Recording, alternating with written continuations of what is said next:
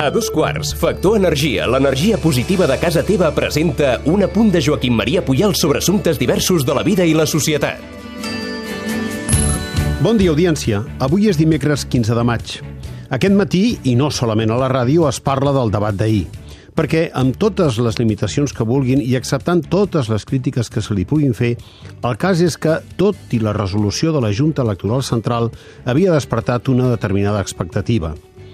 Quan la ràdio i la televisió emeten coses que interessen a les persones, la gent les segueix. I emetre coses interessants dona sentit a la funció de servei públic. Els posaré un altre exemple de valor cultural – Avui vull que escoltin un breu diàleg d'una llarga entrevista. És una conversa fabulosa, segons el divulgador científic Tony Pou a l'ara de dissabte passat. Dues persones intel·ligents parlen, cara a cara, assegudes davant una taula rodona. Qui pregunta és un intel·lectual reconegut, Josep Maria Espinàs, un home amb prestigi. Qui respon és un geni, el catedràtic d'Ecologia Ramon Margalef, un home savi, treballador, nerviós, lliure, irònic i humil, entossudit a mostrar-nos la condició unitària del coneixement.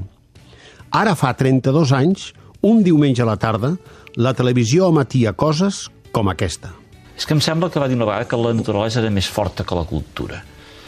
En quin sentit? Sí, sí, sí. Bé, en el sentit que, que, que realment la, els poetes han de menjar. Eh?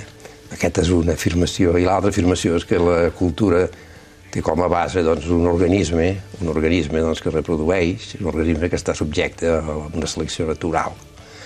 I la, la cultura és realment doncs, un subproducte, eh? i dic subproducte, ni que alguns s'escandalitzin, del fet que aquesta selecció natural ha portat amb un organisme que sap aprendre a aprendre, o diria aprendre, aprendre, aprendre, no? Eh, escolti, vostè que és molt provocatiu, en el fons, com tot el científic investiga, Diu, els poetes han de menjar. Ha agradat molt això. Esclar, en canvi, la, la natura no cal que faci versos. Els fa, perquè no el sabem llegir, no? Hi ha una altra, una altra cosa que diria, ara precisament a la televisió l'altre dia ja sortia allò d'Alicia al País de les Meravelles, hi ha una, un episodi molt interessant, que jo a vegades doncs, en converses l'he tret amb els meus alumnes, hi ha aquell, el, el lliri que li diu Alicia, nosaltres parlaríem si algú ens pogués entendre. Eh? És això de la naturalesa, que la naturalesa no, no la volem entendre, inclús avui dia... Doncs, si fa més de 30 anys el professor Margalef deia que no volíem entendre la natura, què diria avui veient com va la degradació del planeta? Avui els parlo d'aquest científic barceloní que ha estat reconegut mundialment com una figura en el camp de l'ecologia perquè justament demà se celebra el centenari del seu naixement. L'Institut de Ciències del Mar, l'Acadèmia de Ciències i Arts, l'Institut d'Estudis Catalans i altres institucions culturals han programat jornades d'homenatge atesa l'escaïença del centenari. Però, ni que sigui des d'aquesta breu secció, també la ràdio vol contribuir a la seva memòria recuperant un diàleg que, qui el vulgui escoltar sencer, trobarà a la web de TV3. Una demostració més de la voluntat de servei de la nostra televisió pública.